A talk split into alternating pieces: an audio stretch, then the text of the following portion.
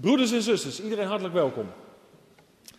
We gaan de Bijbel open doen bij het gedeelte waar we zijn gebleven. En dat is Hebreeën 5, het elfde vers. En ik was heel enthousiast begonnen. Ik ben nog steeds heel enthousiast, maar ik wilde eigenlijk heel hoofdstuk 6 ook doen. En vers voor vers doornemen, maar dat werd toch te veel. Uh, toen ik daarmee bezig uh, was en dat las, toen dacht ik, ik moet er toch wat inkorten. Dus vanavond wil ik met jullie uh, doornemen Hebreeën 5, vers 11 tot en met Hebreeën 6, vers 8. En je zal zien dat dat een eh, gedeelte is wat heel veel inhoud heeft. Het is niet het meest makkelijke gedeelte. Je mag eerlijk weten dat ik er best wel mee heb geworsteld. Wat wil de Heer dat ik vanuit dit gedeelte doorgeef vanavond? Maar met het licht wat Hij mij hierin heeft gegeven, wil ik vanavond de boodschap met jullie delen. We lezen Hebreeën 5 vanaf vers 11. En ik zeg het maar van tevoren, het gaat in dit gedeelte over melk en vast voedsel. Vanavond is het vaste spijzen. Vers 11, Hebreeën 5. Over hem hebben wij veel dingen te zeggen die moeilijk zijn om uit te leggen, omdat u traag geworden bent in het horen. Want hoewel u gelet op de tijd leraar zou moeten zijn, hebt u weer iemand nodig die u onderwijst in de grondbeginselen van de woorden van God. U bent geworden als mensen die melk nodig hebben en niet vast voedsel. Ieder immers die van melk leeft, is onervaren in het woord van de gerechtigheid, want hij is een kind. Maar voor de volwassenen is er het vaste voedsel. Voor hen die hun zintuigen door het gebruik ervan geoefend hebben om te kunnen onderscheiden tussen goed en kwaad. Laten wij daarom het eerste onderwijs met betrekking tot Christus laten rusten. En doorgaan tot de volmaaktheid. Zonder opnieuw het fundament te leggen van bekering van dode werken en van geloof in God. Van de leer van de dopen, van de handoplegging, van de opstanding van de doden en van het eeuwige oordeel. En dat zullen wij ook doen als God het toestaat. Want het is onmogelijk om hen die eens verlicht zijn geweest, die, het hemelse, die de hemelse gaven geproefd hebben en deelgenoot zijn geworden van de Heilige Geest, en die het goede woord van God geproefd hebben en de krachten van de toekomende wereld, en die daarna afvallig worden, weer opnieuw tot bekering te brengen. Omdat zij voor zichzelf de Zoon van God opnieuw kruisigen en openlijk te schande maken. Want de aarde, die de regen indringt, die er dikwijls op valt, en die nuttig gewas voorbrengt voor hen door wie hij ook bewerkt wordt, ontvangt zegen van God. Maar de aarde die dorens en distels voortbrengt, is verwerpelijk. En de vervloeking nabij, waarvan het einde tot verbranding leidt. Tot zover.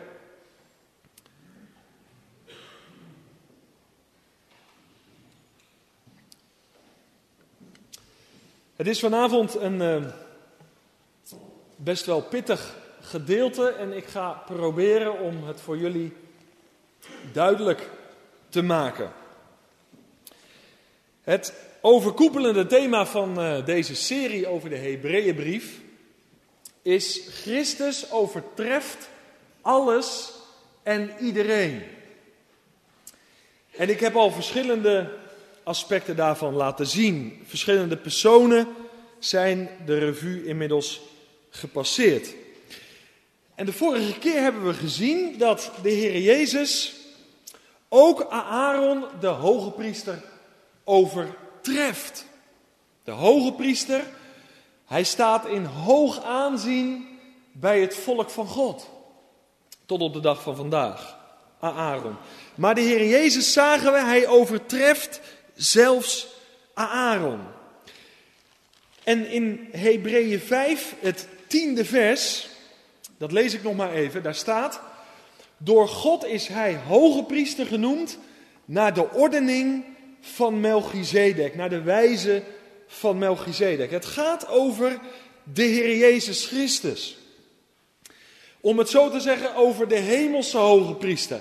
Hij is verheven boven de aardse hoge priester.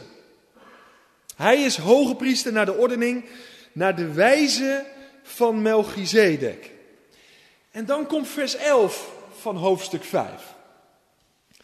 En dat begint heel bijzonder. En daar staat, over hem hebben wij veel dingen te zeggen. Dat woordje hem, dat zou heel goed terug kunnen slaan op Melchizedek. Maar ik denk dat het vooral terugslaat op de hemelse hoge priester, de Heer Jezus Christus, die Aaron uiteindelijk overtreft. Over hem valt veel te zeggen. Over hem hebben wij veel te zeggen. De Heer Jezus, Hij is alles. Hij overtreft alles en iedereen. Over Hem kan je blijven spreken, om het zo te zeggen. Nou, en de Hebreeën schrijver, het lijkt alsof hij een drijf heeft om zo snel mogelijk, zoveel mogelijk over de Heer Jezus te zeggen. Over de hemelse hoge priester. Maar we zullen zien, om daarover te spreken, daarvoor is een geestelijke gezindheid nodig. Daarvoor is geestelijke volwassenheid nodig.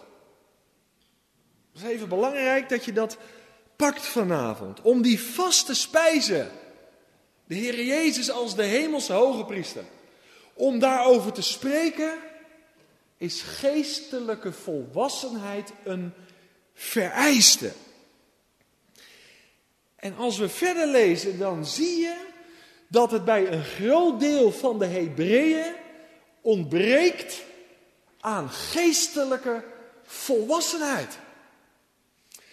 En vanaf vers 10 van hoofdstuk 5 tot en met, om het zo te zeggen, vers 1 van hoofdstuk 7, wordt de Hebreeën schrijver gedreven om eerst nog wat andere dingen te delen. Voordat hij over de Heer Jezus verder gaat.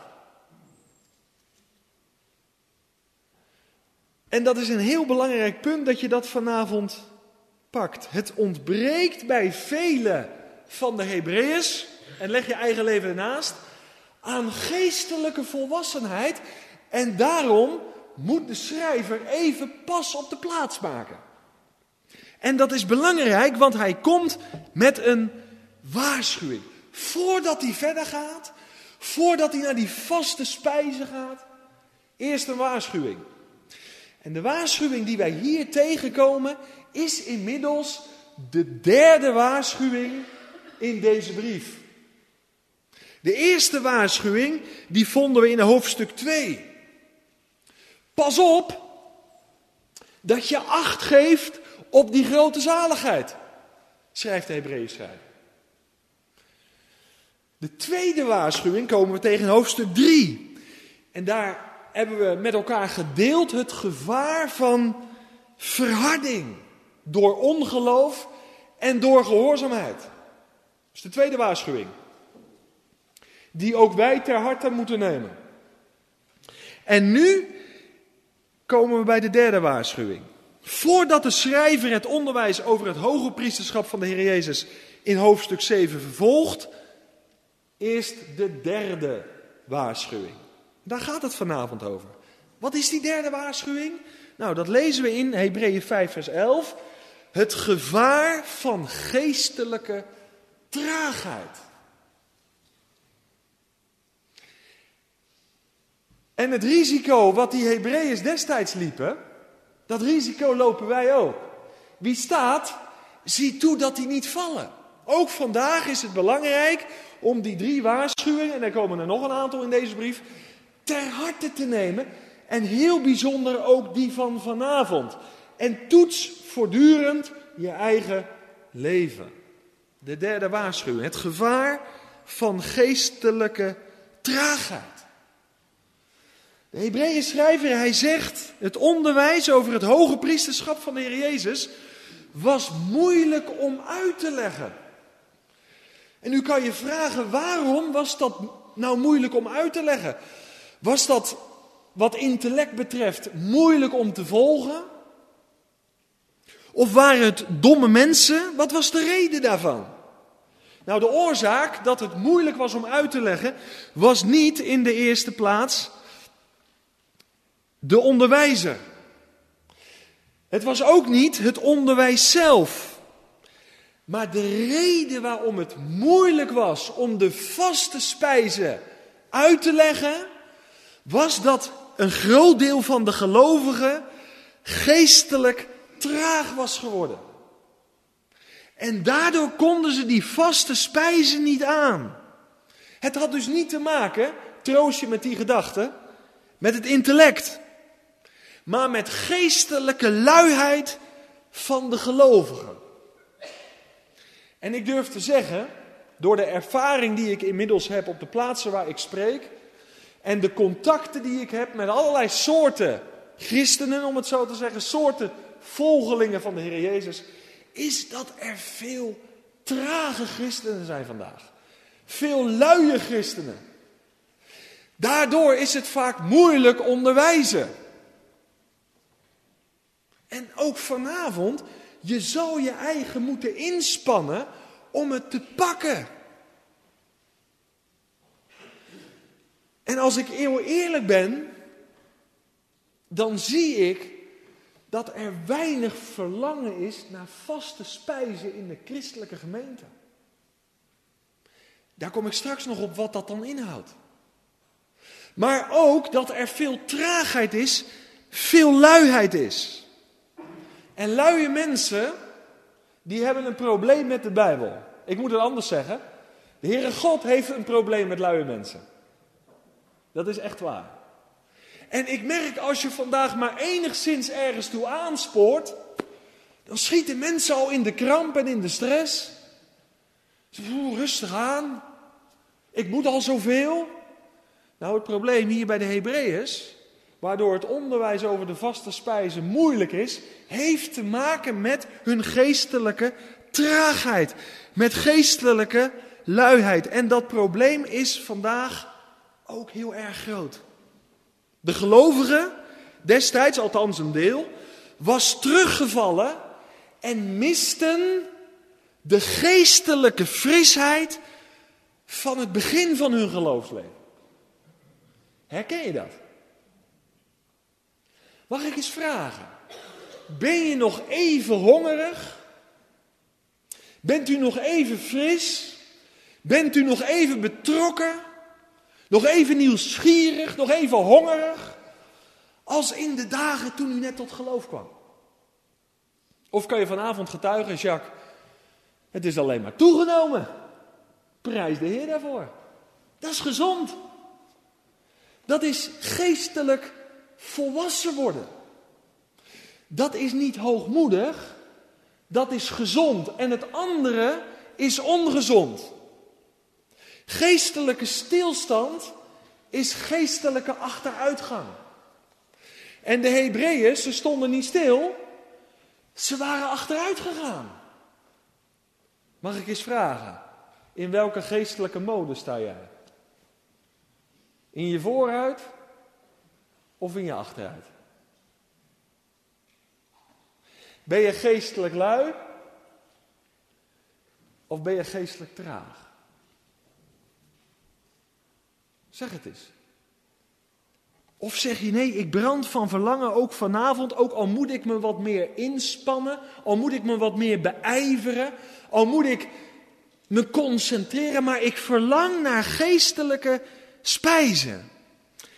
En als je in Hebreeën 6, 12 vers leest, ik loop nu even iets verderop vooruit, daar zie je dat geestelijke traagheid ook te maken heeft met ongeloof en ongehoorzaamheid. Wat staat er? Nou, laat ik vers 11 erbij lezen. Maar wij verlangen ernaar dat ieder van u dezelfde inzet toont. Tot volle zekerheid van de hoop. Tot het einde toe. Opdat u niet traag wordt. Maar navolgers bent van hen die door het geloof en geduld de belofte beërven. Hier wordt gewaarschuwd om te blijven volgen.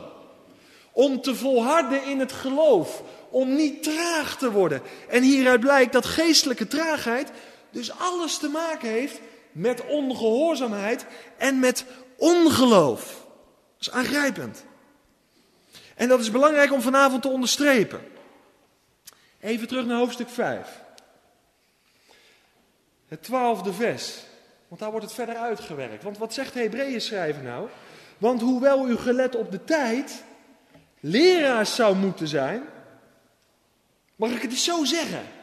Als die traagheid geen grip op hun hart had gekregen, als ze dat niet hadden toegelaten, dan hadden ze nu leraars geweest.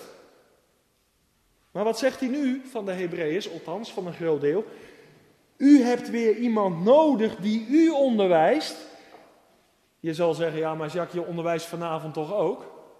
Nou, onderwijs ontvangen, dat is natuurlijk geweldig, dat is goed. Dat is aan te bevelen.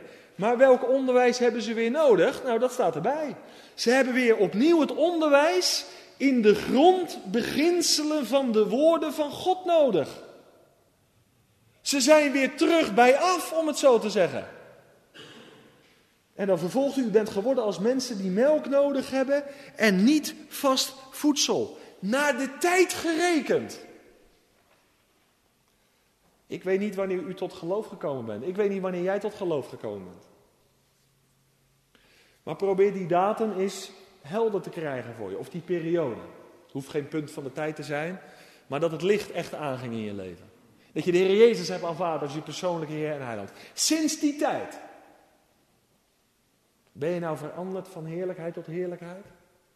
Heb je nou ervaren, daar was opwas in kennis en genade van de Heer Jezus Christus? Ben je inmiddels een leraar geworden? Wat wil dat zeggen? Nou, dat je op een punt gaat komen in je leven. Dat het onderwijs wat jij hebt ontvangen, dat je dat op jouw beurt weer uitdeelt aan anderen. Dat is gezond. Een soort kweekschool noemden ze dat vroeger. Meelopen, de dingen eigen maken en op jouw beurt weer doorgeven. Herken je dat? En dan hoef je niet allemaal hier te staan, daar gaat het niet om. Maar gewoon op jouw kring waar je zit, in je gemeente of in je gezin. Iets onderwijzen aan je kinderen. Of op een verjaardag dat je eens wat deelt. Laten we nou eens echt over de dingen van het leven gaan spreken. En dan deel je iets uit de Hebreeënbrief. Onderwijzen. Je hebt de dingen eigen gemaakt en op jouw beurt weer doorgeven. Naar de tijd gerekend. Moeten velen van ons dat zijn? Er zijn hier veel ouderen. Er zijn ook jongeren. Maar naar de tijd gerekend hadden de Hebreeërs leraars moeten zijn. Maar ze zijn zo ver teruggevallen dat ze zelf een leraar nodig hebben voor grondbeginselen. Voor het fundament. Nou, en daar kom ik zo nog op, want dat is heel interessant. De grondbeginselen, wat zijn dat? Nou, de Hebreeën schrijver zegt in hoofdstuk 6, het eerste vers. Laten wij daarom het eerste onderwijs met betrekking tot Christus laten rusten. De grondbeginselen hebben dus te maken met het eerste onderwijs met betrekking tot Christus. Het gaat bijzonder om het spreken van God door de zoon. Door zoon staat er letterlijk. Nou, waar ging dat dan over? We bladeren een beetje heen en weer, maar dat geeft niet. Hebreeën 2, vers 3. Wat is nou bijvoorbeeld zo'n grondbeginsel? Hebreeën 2, vers 3. Dat bekende vers. Hoe zullen wij dan, Hebreeën 2, vers 3. Hoe zullen wij dan ontvluchten als wij op zo'n grote zaligheid, als wij zo'n grote zaligheid veronachtzamen? Die in het begin door de Heer is verkondigd en die aan ons is bevestigd door hen die Hem gehoord hebben. De boodschap van redding, de boodschap van behoud, de boodschap van zaligheid door de kruisdood en opstanding van de Heer Jezus, de verzoening met God, de vrede met Hem. Het zijn de grondbeginselen. Het is het fundament. Het spreken van God door de Zoon. Heel zijn werk, de persoon en het werk van de Heer Jezus Christus. En dan met name wat hij hier op aarde heeft gedaan. Dat is een belangrijk onderscheid. Christus, hij was de heerlijke vervulling van de profetieën. Als het ging om de leidende en triomferende Messias. Dus hij is de vervulling van de leidende knecht des Heren, van het offer wat gebracht zou worden, van de verzoening die mogelijk zou worden tussen God en mensen door het offer wat hij gebracht heeft. De Heer Jezus, toen hij hier op aarde wandelde, sprak hij over dat werk. Hij sprak over zijn dienstwerk hier op aarde. En Johannes de Doper, die heeft hem aangewezen als het lam van God dat de zonde der wereld wegdraagt. Verzoening, vrede met God, vergeving door het bloed van de Heer Jezus Christus. Het is weer goed tussen God en mij. Dat zijn de grondbeginselen. En doe niet minder waardig over grondbeginselen, maar het zijn wel grondbeginselen. Begrijp je wat ik bedoel? Daar begint het wel. Het is wel fundamenteel, het is wel belangrijk. Maar het zijn grondbeginselen. Daar wil ik de nadruk op leggen vanavond. Nu moet je even met mij meebladeren naar het Johannesevangelie. De Heer Jezus sprak dus over het werk wat hij hier op aarde heeft gedaan. We bladeren nu naar Johannes 16.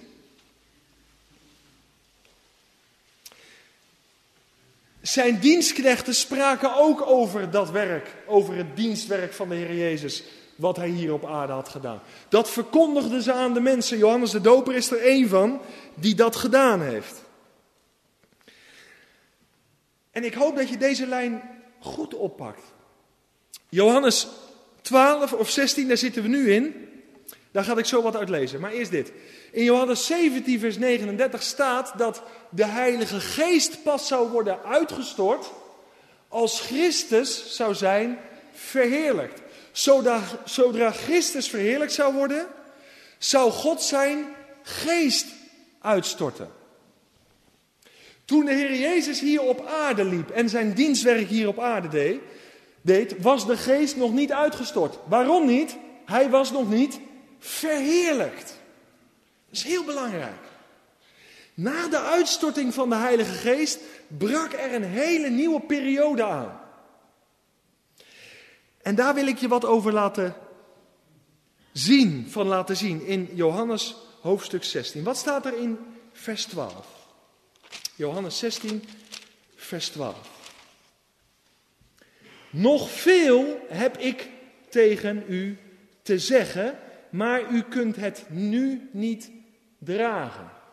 Tot op dit moment heeft de Heer Jezus gesproken over zijn kruisdood, over zijn opstanding. Over het fundament wat hij ging leggen om vrede te bewerken tussen God en mensheid. Is dat duidelijk? De grondbeginselen.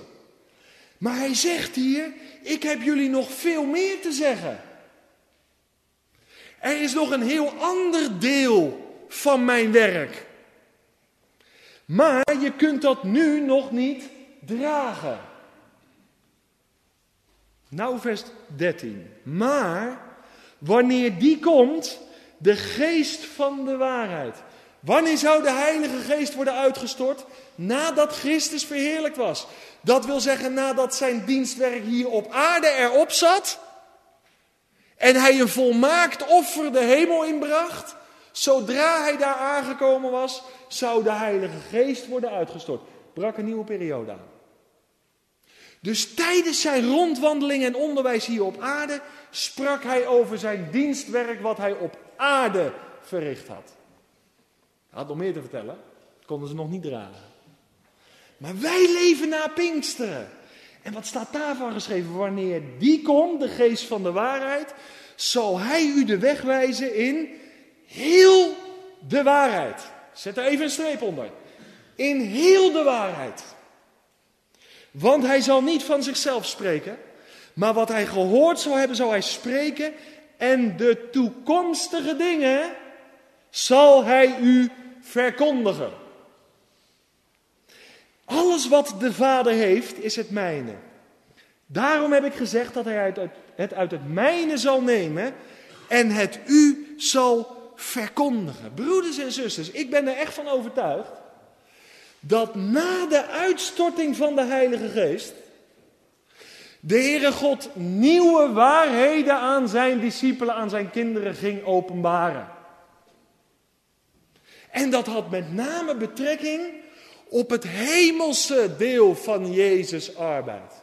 Hij is namelijk door de hemelen tot de Vader gegaan. En hij heeft een plaats gekregen die is boven elke plaats, een naam boven elke naam. Hij heeft de allerhoogste positie ingenomen. Ik hoop dat je dit ziet, want dit is heel belangrijk. Christus is actief als hoge priester geweest hier op aarde. Grondbeginselen. Fundament. Maar de vaste spijze heeft alles te maken met zijn hemelse hoge priesterschap. Met zijn werk wat hij daar voor ons en met ons gedaan heeft. En dat is vaste spijze om die dingen tot je te nemen. En daar gaan we straks op inzoomen. Luister goed, de oud-testamentische eredienst, die was geweldig rijk. De hele offerdienst was zeer indrukwekkend. Het hoge priesterschap van bijvoorbeeld Aaron stond in hoog aanzien.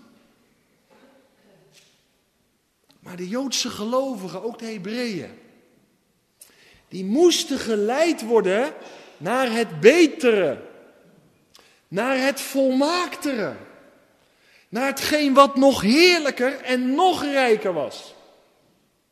Er is een hele beweging geweest om die mensen daarin mee te krijgen. Maar dat is vandaag nog zo. Heel veel mensen komen niet verder dan het kruis van Golgotha. Heel veel mensen die leven voortdurend rondom het kruis. Ze leven bij de grondbeginselen. En ze komen hoogstens nog bij het open graf en ze zeggen: Jezus is opgestaan en daarom hoef ik niet bang te zijn voor morgen. Maar er is vastere spijze. En ik hoop zo dat je daarna hongert. Dat je niet maar blijft ronddolen bij kruis en graf. Al doe ik daar niet minder waardig over. Maar het is een grondbeginsel. Het is melk. En hoe komt het dat zo weinig christenen doorstoten naar die diepe, volle waarheid? Als het gaat om het hoge priesterschap van de Heer Jezus. Wat Hij voor en met ons gedaan heeft in de hemelse gewesten. Dat geeft zo een rijker leven. Dat geeft een dieper leven met Hem. Dat geeft meer vrede en meer vreugde en meer rust in mijn hart. Als ik uit die geestelijke werkelijkheid ga leven. Als ik leef dicht bij het vaderhart van God. En er is zo weinig onderwijs vandaag over vaste spijzen. In heel veel kerken gaat het er niet anders over dan ben ik wel een kind van God of ben ik het niet. En de ene week ben je het wel en de andere week ben je het niet. Maar ze stoten niet door tot in het heiligdom. Men wordt niet meer geleid naar het vaderhart van God. Men blijft allemaal circuleren rondom het kruis. Jacques, wat doe je minderwaardig over het kruis? Ik doe niet minderwaardig over het kruis, maar het is een grondbeginsel. Het is het begin van de vrede met God. En nu mag het leven beginnen. En daarin mag ik opwassen in kennis en genade. En dat leven dicht bij het vaderhart van God. Dat is het leven wat mij innerlijk gaat veranderen. En hoe komt het? Dat zo weinig mensen dit zien en dit betitelen als hoogmoedig. Wie dat doet, het is een leugenleer. En daarom hebben we zo weinig vaders en moeders, geestelijke vaders en moeders. Daarom is er zo'n grote generatiekloof. Dat velen zijn blijven hangen bij het kruis. Ik had hier vorige keer de tabernakel staan. Ik hoop dat je er een poosje naar staan kijken. En ik hoop dat je zegt, ik ben niet gebleven bij brand. Ik ben de deur doorgegaan, maar ik ben niet gebleven bij brandoffer. Ik ben doorgegaan tot in het heilige der heiligen. Het voorhangsel gescheurd. De Heer Jezus ten hemel gevaren. Ik heb een vrije toegang tot het vaderhart van God. Dat is vaste spijze. Wat dat leven inhoudt. Hoe je daar komt, hoe je daarvan geniet, hoe je vanuit die rust leeft, vanuit die overgave, vanuit die nieuwe machtspositie. In de Heer Jezus heeft Die oud-testamentische eredienst die al rijk was. Die hele offerdienst die zeer indrukwekkend was. Het hoge priesterschap wat hoog in aanzien stond. In de Heer Jezus hebben we de werkelijkheid ontvangen. Zijn we de werkelijkheid ingegaan. Hij is de vervulling van al die schaduwen, van al die typen, van al die beelden. Ik, wil het toch laten zien. Blader even naar Hebreeën hoofdstuk 9. Is zo van belang. Omdat ik straks bij ernstige waarschuwingen uit ga komen. En jullie voor die tijd wil prikkelen om ervoor te kiezen om niet te blijven bij de melk, maar bij de vaste spijzen. Zo belangrijk dat we elkaar daarin meenemen. En daarvoor hebben we ook elkaar nodig, want wat de ene al eerder heeft gezien, eerder ontdekt in het leven van de Heer, mag een ander wat later ontdekken. Maar we moeten elkaar meenemen, elkaar stimuleren. Dat volgt straks ook nog. Maar mag ik eens, mag ik eens wat lezen? Wat nou tekenend is voor dat leven in het hemels heiligdom. Leven dicht bij het vaderhart van God. Hebreeën 9, het tiende vers. Sorry, het elfde vers. Hebreeën 9, het elfde vers. Maar toen is Christus verschenen, de Messias. De hoge priester van de toekomstige helsgoederen. Hij is door de meerdere en meer volmaakte tabernakel gegaan. Die niet met handen is gemaakt, dat is, die niet van deze schepping is. Hij is niet door bloed van bokken en kalveren, maar door zijn eigen bloed, eens voor eens en altijd binnengegaan in het heiligdom en heeft daardoor een eeuwige verlossing teweeggebracht. Er is iets meer gebeurd dan Jezus kruisdood en opstanding. Als je daarbij blijft hangen en als de prediking niet verder komt als dat, dat is schokkend. En dat is zeer verontrustend. En wat staat er nog meer? Hoofdstuk 10, vers 19. Omdat wij nu, broeders, hoofdstuk 10, vers 19 vrijmoedigheid hebben om in te gaan in het heiligdom door het bloed van Jezus. Langs een nieuwe en levende weg die Hij voor ons heeft ingewijd. Door het voorrangsel, dat is door zijn vlees. En omdat wij een grote hoge priester hebben over het huis van God, laten wij tot Hem naderen met een waarachtig hart. In volle zekerheid van het geloof, nu ons hart gereinigd is van een slecht geweten en ons lichaam gewassen is met rein water. Dat is leven onder het nieuwe verbond. En die weg, luister goed, heeft de Heer Jezus niet gebaand door zijn aardse hoge priesterschap, om het zo te zeggen, door zijn kruisdood en opstanding. Dat zijn grondbeginselen. Maar dit heeft hij bijzonder bewerkt door zijn hemels hoge priesterschap, doordat hij de hemelen is doorgegaan en ons gebracht heeft aan het vaderhart van God. En dat is een veel diepere waarheid. Nog rijkere waarheid. Waar ik uit mag leven. En ik begrijp waarom veel christenen vandaag geestelijk karig leven. Ze weten ook niet meer. En je kan maar leven vanuit dat wat je weet. Kan wel van mensen eisen dat ze geestelijke diepgang krijgen in hun leven. Maar als het hen niet wordt, wordt onderwezen, ik kan wel van mensen vragen: leef je nou dicht bij het vaderhart van God of blijf je maar rondom dat kruis hangen? Dan zeggen Jacques, vertel het, want ik weet niet wat het inhoudt. Ik ben al blij dat ik een moment mag geloven dat ik behouden ben. En daar heb ik dan een week vreugde over. En daarna ben ik het soms alweer kwijt. Ja, dan kom je niet tot geestelijke volwassenheid. Dan word je niet uiteindelijk een leraar. Dan kan je uiteindelijk niet anderen onderwijzen. Dus je bent voortdurend heel je leven met jezelf bezig. Zo aangrijpend. Dat mensen tot hun sterfbed toe uiteindelijk bezig zijn met zichzelf. Terwijl we gered zijn om anderen te redden. We zijn door de Heer gediscipeld om anderen te discipelen. We zijn onderwezen om op onze beurt anderen te onderwijzen. Maar daarvoor heb je nodig vaste spijzen. Terug naar Hebreeën 6. Je ziet, het is genoeg stof, maar het is heel belangrijk om goed door te nemen vanavond. Nu wordt er vervolgens in de volgende vers, hè, dus dat is vanaf vers uh, eh, 12 tot en met vers 14, gesproken aan de ene kant over kinderen en melk, en aan de andere kant over volwassenen en vaste spijzen. Melk is het beeld van het werk van Christus hier op aarde. En een kind, typisch voor een kind, hij is onervaren. En hier wordt gesproken over het woord van rechtvaardigheid. Een kind is onervaren, heeft geen onderscheid tussen wat rechtvaardig is en wat onrechtvaardig is. Een kind is onnozel, dat is een kind. Melk, is dat minderwaardig? Melk is niet minderwaardig, maar het hoort bij een bepaalde leeftijd. Daar moet je goed over nadenken. Melk is niet minderwaardig, maar het is gekoppeld aan een bepaalde leeftijd. Aan de andere kant hebben we vaste spijzen.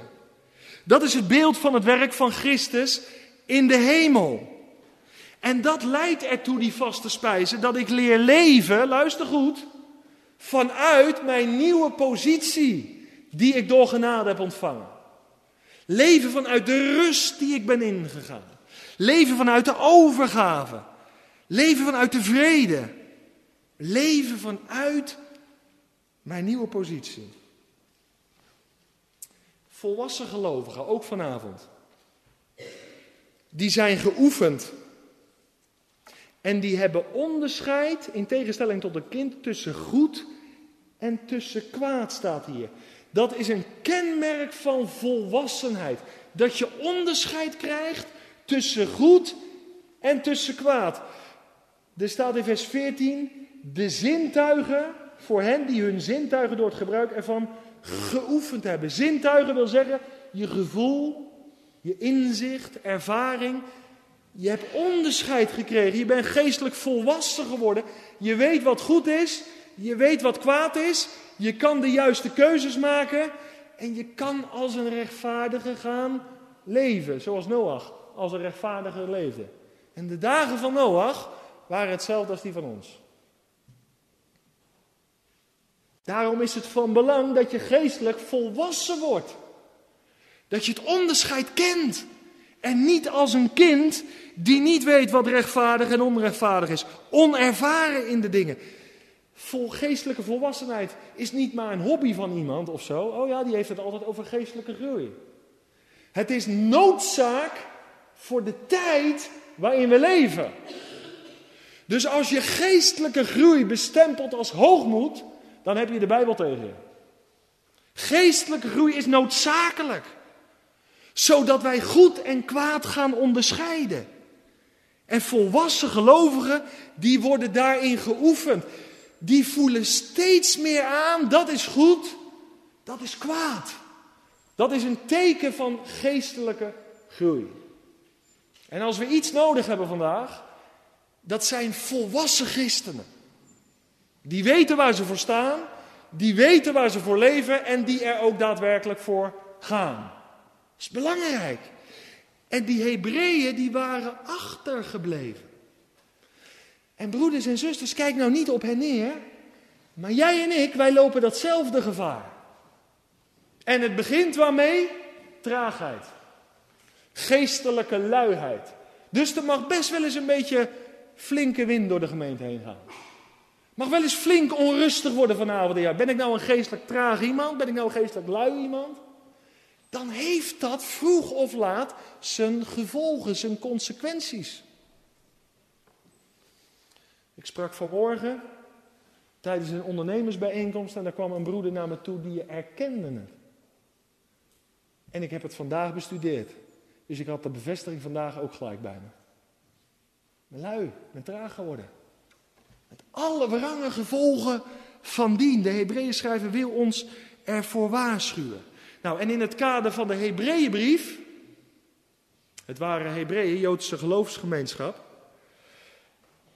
moet je het ook zo toepassen. Kijk, de oud-testamentische eredienst, de instellingen, die waren natuurlijk niet kwaad, integendeel. Maar de Hebreeën schrijver, die wilde de Hebreeën meenemen naar het betere. Naar het volmaaktere wat gekomen was. En volwassen gelovigen, die zien het verschil, die weten het verschil tussen schaduw en werkelijkheid. Tussen beeld en werkelijkheid. En dat is belangrijk. Als wij weten, beseffen, geloven dat in Christus de werkelijkheid van alle schaduwen, alle typen, alle afbeeldingen is gekomen, dan moeten we ook uit die volheid leven en niet terugkeren tot het oude. Amen. Ik hoop dat je me begrijpt. In Christus is de werkelijkheid gekomen. De vervulling van alles wat onder het oude verbond al heen wees naar Hem. En waar leef je liever bij? Stel voor, je bent getrouwd. Dan heb je misschien een foto van je vrouw in je portemonnee. Leef je nou liever bij de foto? Dat is ze. Of ben je blij dat je s'avonds haar weer in jouw armen sluit? De werkelijkheid. Je moet leven bij de werkelijkheid. Dat hadden jullie nu mogen antwoorden, vrijmoedig. Maar zo is het geestelijk ook. In Christus is de werkelijkheid gekomen. En de Hebreeërs, die liepen het gevaar. En een groot deel was erin gevallen om terug te vallen. Nou, genoeg hierover. Hoofdstuk 6. Nou wordt het spannend. Wat zegt de Hebreeën schrijver nou in het eerste vers? Laten wij daarom het eerste onderwijs met betrekking tot Christus laten rusten. Hij gooit het niet aan de kant. Hij doet er niet minder waardig over. Maar die grondbeginselen, dat fundament, dat hebben we op een gegeven moment gezien en geloofd. We laten dat nu rusten. Het fundament is gelegd. En dat vind ik zo geweldig en daarom voel ik me helemaal één met die Hebreeën schrijver. Hij spoort aan. En dat zit ook in mijn genen, in mijn hart. Mensen aansporen. Voorwaarts, niet blijven hangen. Dat is geen dwang. Dat is aansporen tot het betere. Tot het volmaaktere. Je uitstrekken staat hier naar de volmaaktheid. Dat kan je ook vertalen met volwassenheid. Hebreeën 6 vers 1. Daartoe doorgaan. Tot de volmaaktheid. Tot de volwassenheid. En ik heb dat eerder op andere lezingen genoemd. Natuurlijk, in de natuur vinden wij dat normaal. Doorgroeien. Volwassenheid. Maar hoe komt het dat we geestelijk bij grondbeginselen blijven? Het is voor mij onvoorstelbaar. In het natuurlijke leven moet een kind groeien, anders maken we ons zorgen. En geestelijk mag je bij de grondbeginselen blijven. Nou, pas maar op hoor, anders word je nog hoogmoedig ook, jongen. Klinkt allemaal vroom en heel aannemelijk. Maar het zijn aangrijpende waarheden die gezegd worden. Het is gezond om door te groeien. De Hebreeën schrijver, hij spoort aan. Doorgaan tot de volwassenheid. En hij voegt eraan toe, zonder opnieuw het fundament te leggen. Nou, dit is mooi. Hoe vaak leg je een fundament van een huis? Je zal zeggen, niet van die domme vragen stellen. Dat weten wij hier wel. Maar toch stel ik hem. Hoe vaak leg je een fundament van een huis? Dat leg je één keer. En als het daar ligt, dan ligt het daar. Is een fundament een doel op zichzelf? Nee. Ik fiets elke dag het ritje Alblasserdam, Oud-Alblas. Daar staat al een huis. Daar staat al weet ik niet hoe lang, of ligt daar een fundament. Er zijn palen ingegaan, fundament is gelegd, maar er komt maar geen huis. En wat de reden is, weet ik niet. Maar je ziet voortdurend het fundament.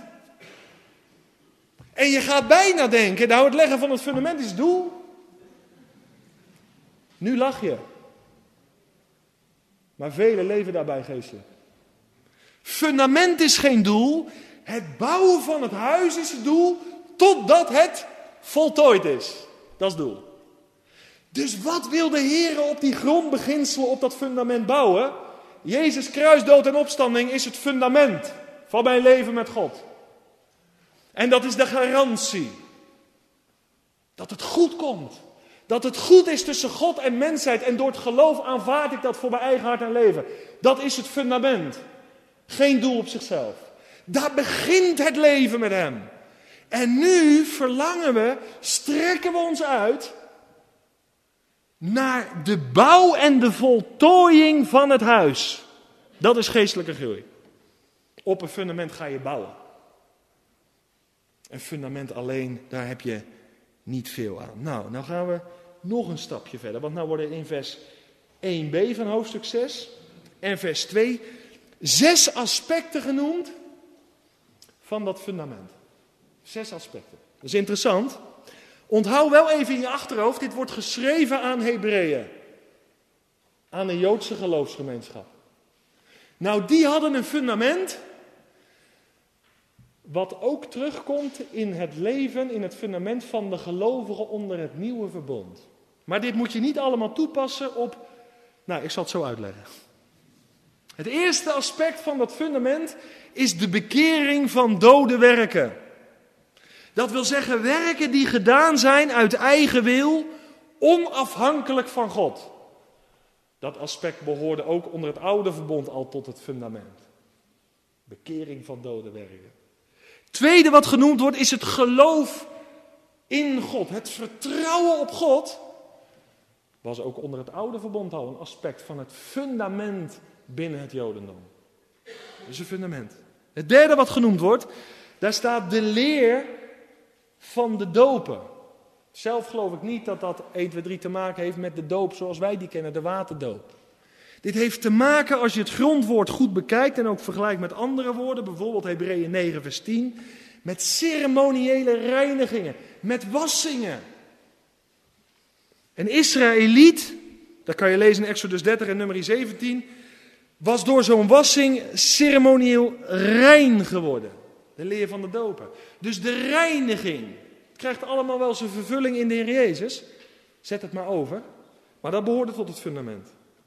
Wat behoorde ook tot het fundament? Nou, de leer van de handoplegging. Daar wordt niet in de eerste plaats bedoeld dat wat wij in het boek Handeling aan handoplegging tegenkomen. Nee, het is aan de Hebreeën geschreven. Waar dachten die aan? Nou, ik denk eerst en vooral aan de handen die werden opgelegd op het offerdier. En de offeraar vereenzelvigde zich met het offerdier, de leer van handoplegging.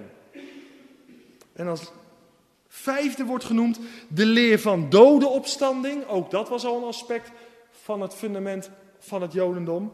Lees maar bijvoorbeeld Daniel 12, vers 2. Daar gaat het over de opstanding van de doden.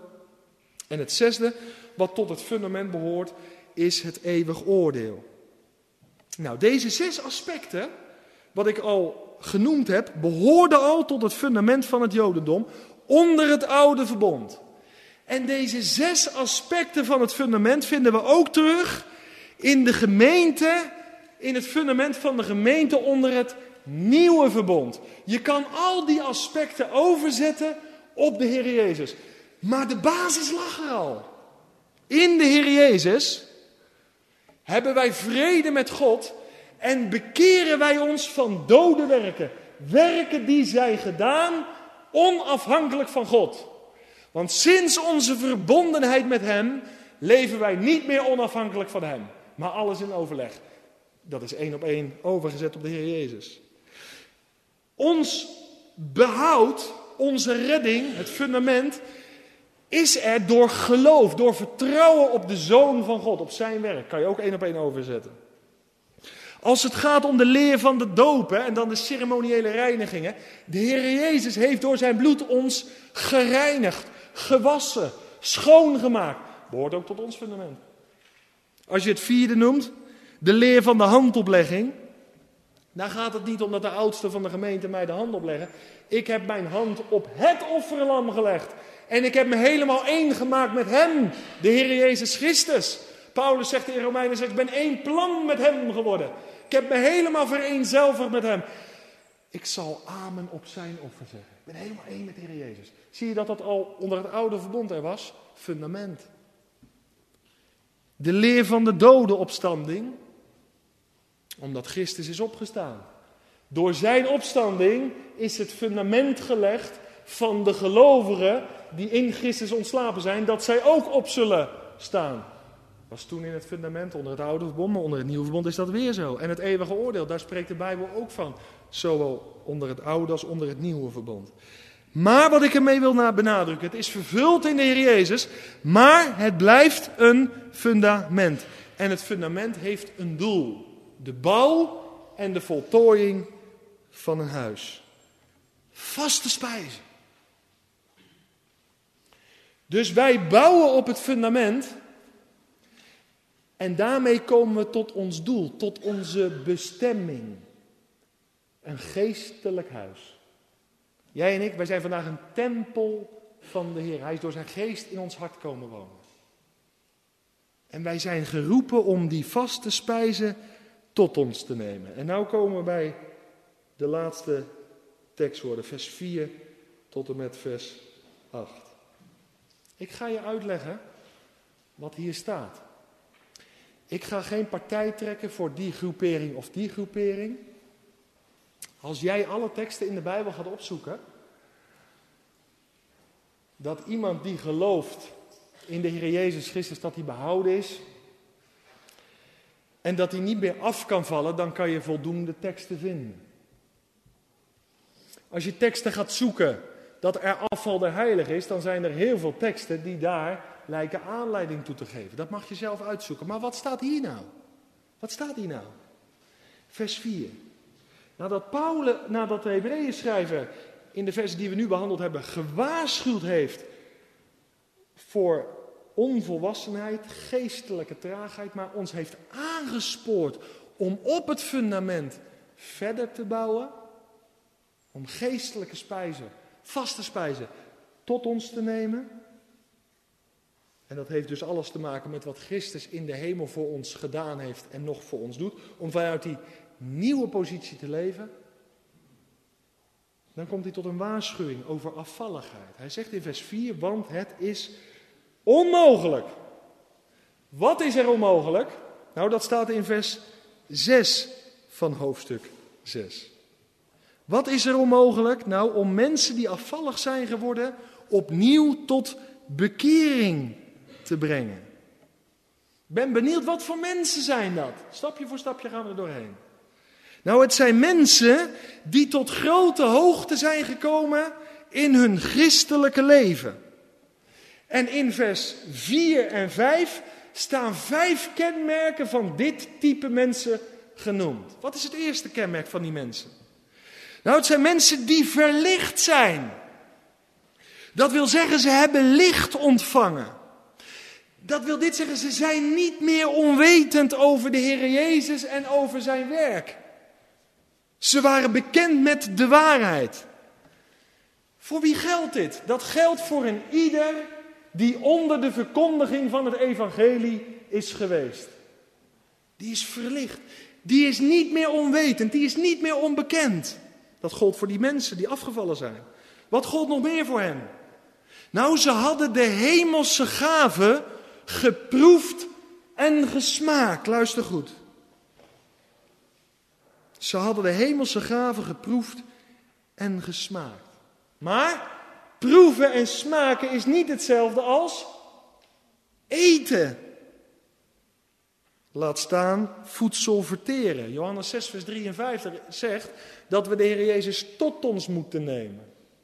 Dat we Hem moeten eten in geestelijke zin. Ze hadden de hemelse gave gesmaakt. Ze hadden gehoord over de gave van vergeving der zonden. Over het kindschap van God. Over het hoge priesterschap van de Heer Jezus. Ze hadden het geproefd, gesmaakt. Maar ze hadden hem niet gegeten. Het derde, en dat is misschien wel de meest lastige.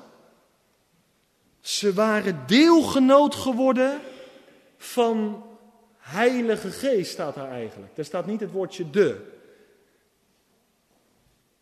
En wat betekent dat? Nou, eerst dat woordje deelgenoot. In het Grieks zijn er een aantal woorden die je kan gebruiken voor het woord deelgenoot. En in dit vers, wat in vers 4 genoemd wordt, staat een woord dat betekent van buitenaf een aandeel krijgen in een zaak of een aandeel nemen in een zaak. Dat is even van belang. Er wordt hier niet gesproken over de inwoning of de verzegeling met de Heilige Geest. Daar gaat het hier niet over. Dat is iets anders. Ik zei net al, in de grondtaal staat het woordje de niet voor de Heilige Geest. Een vertaling als de Telos-vertaling zet dat woordje de ook tussen haakjes. En daarmee willen ze aangeven, het woordje de, het lidwoord, staat niet in de grondtaal. Dat betekent dit, want je zal zeggen, wat heeft dat ermee te maken? Nou, dat heeft er alles mee te maken. De Heilige Geest kennen we als persoon en de Heilige Geest kennen we als kracht. Er staat hier dat ze deelgenoten zijn geworden van Heilige Geest. Ook de studiebijbel laat dit trouwens zien. De Heilige Geest is in dit geval dus niet in eerste plaats een persoon, maar is in dit geval een kracht, een werkzaamheid. Luister goed. Je kan dus deel hebben uitgemaakt van het werkgebied, het krachtengebied van de Heilige Geest. Zonder dat de Heilige Geest in je is komen wonen. Je kan in een samenkomst als deze zitten en de krachtige werking van de Heilige Geest ervaren. Wat dat betreft ben je deelgenoot geworden aan het krachtige gebied van Gods Geest. Maar dat wil niet zeggen dat hij inwoning heeft gemaakt in jouw hart, in jouw leven. Dat is iets anders. En deze betekenis heeft het hier. Ze hadden deelgenoot, ze waren deelgenoot geworden aan het krachtige gebied van de Heilige Geest. Je kan ervan onder de indruk komen. Je kan zeggen, hier is iets bovennatuurlijks gaande. Zonder dat Gods Geest in je is komen wonen. Aangrijpende werkelijkheid. Ze waren tot grote hoogte gestegen, of niet? Het vierde. Ze hebben het goede woord van God geproefd. Geproefd. Niet gegeten. Dat, dat wil zeggen, ze hebben genoten van de Bijbelse boodschap. Maar, maar luister goed, broers en zussen. Het is als in Matthäus 13, vers 20 en 21. Ze hebben met het woord met vreugde ontvangen. Maar ze missen de wortel. Dat kan. Dat je geproefd hebt het goede woord van God. Maar dat je de wortel in je leven mist. Zoals die gelijkenis uitlegt. Het viel op steenachtige plaats. Het vijfde, het laatste. Wat staat er ook van deze afvallige mensen genoemd? Ze hebben de krachten van de toekomende eeuw, de toekomende wereld geproefd. Wat zijn dat? Ze hebben kennis genomen, geproefd van de messiaanse tekenen. Een van de tekenen, een van de bewijzen dat de Heer Jezus de Messias is, waren onder andere zijn wonderen en zijn tekenen. En veel mensen werden aangetrokken door de tekenen en wonderen van de Heer Jezus zonder hartsvernieuwing. Ze hebben geproefd de tekenen van de toekomende eeuw. Straks, in het Messiaanse vrederijk, zullen tekenen en wonderen heel bijzonder in Israël en onder Israël weer volop plaats gaan vinden. Ze hebben ze geproefd. Ze hebben er iets van gezien. Ze zijn dus tot grote hoogte gekomen.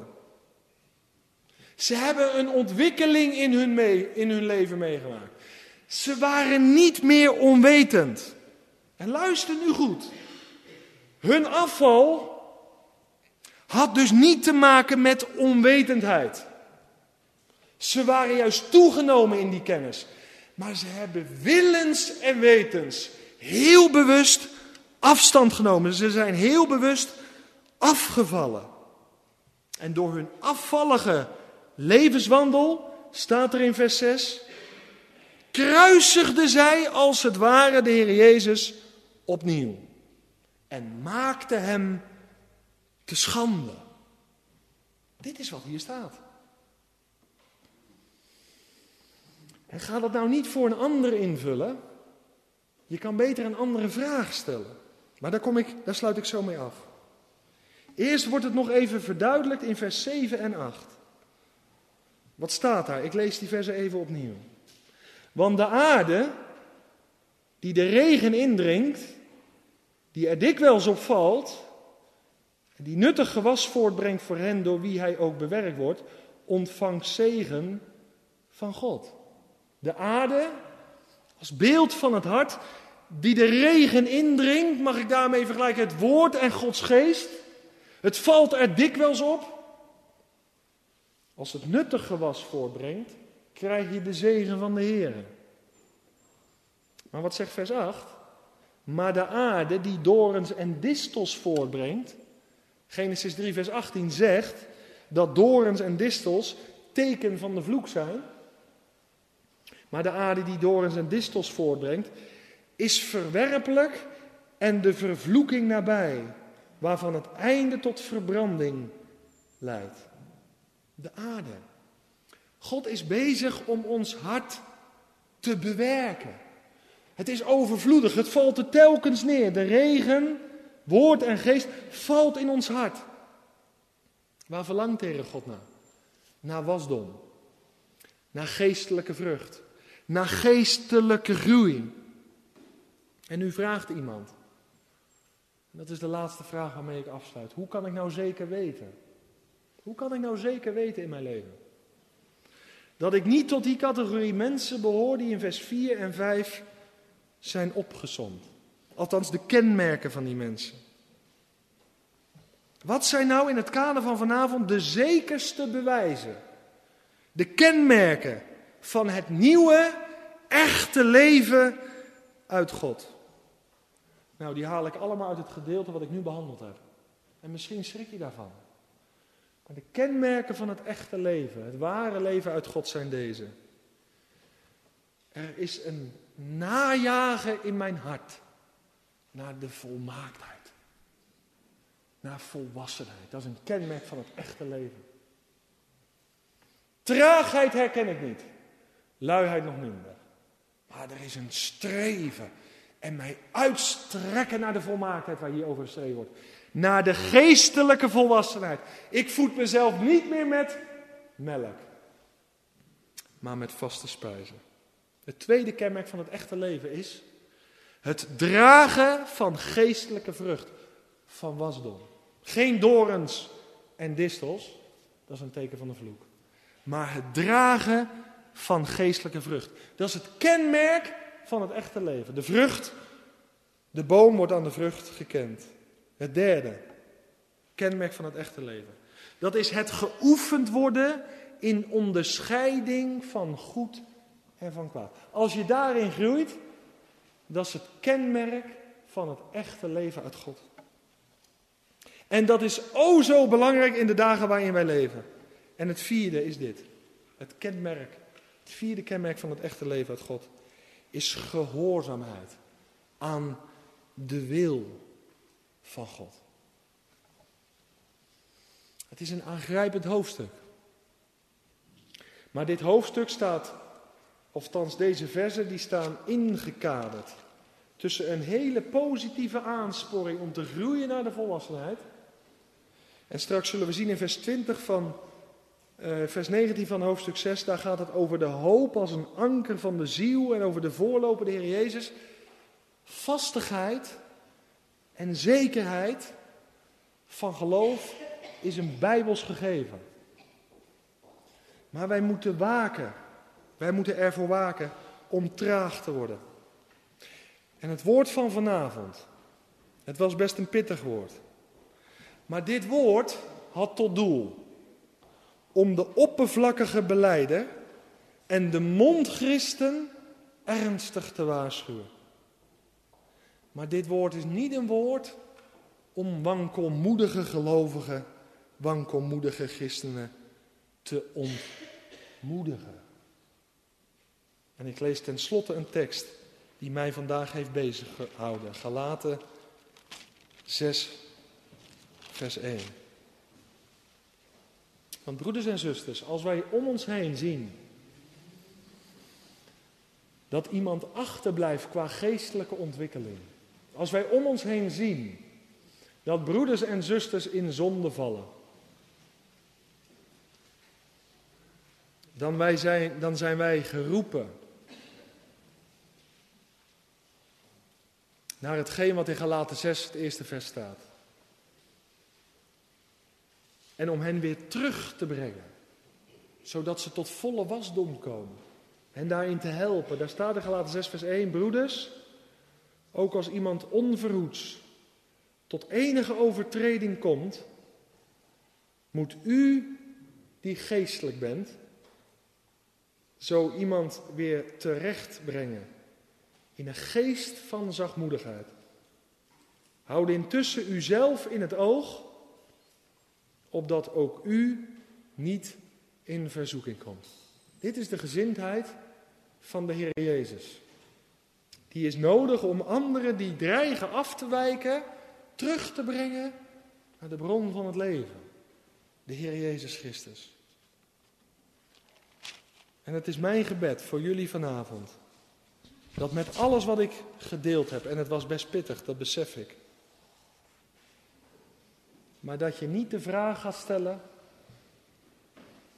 ben ik nou een afvallige of niet? Maar dat je vanavond zegt: ik strek me uit naar geestelijke groei en naar geestelijke volwassenheid. Dat is waar wij mee bezig moeten zijn. Wij hoeven helemaal niet met dat andere bezig te zijn. We moeten met de Heer Jezus bezig zijn. Met de vaste spijzen bezig zijn. Je hoeft dit niet als een dreigement te zien. Maar de Bijbel is wel eerlijk. De Bijbel is wel open. De Bijbel is geen boek met kleine letters. En daarom wil ik je stimuleren en aansporen. Was op. In kennis en genade van de Heer Jezus Christus. Blijf niet hangen bij de boodschap van het kruis en Jezus opstanding. Maar pak door. En voed je met vaste spijzen. En dat heeft alles te maken met het werk van de Heer Jezus. Wat Hij met en voor ons gedaan heeft. In het verleden en in het heden. In het heden. Aan de rechterhand van de Vader. Laten we de Heer danken voor deze geweldige zegening. Waar we in mogen delen. Als iemand een dankgebed op zijn hart heeft. Laat hij of zij het dan vrijmoedig uitspreken. Dan zal ik afsluiten.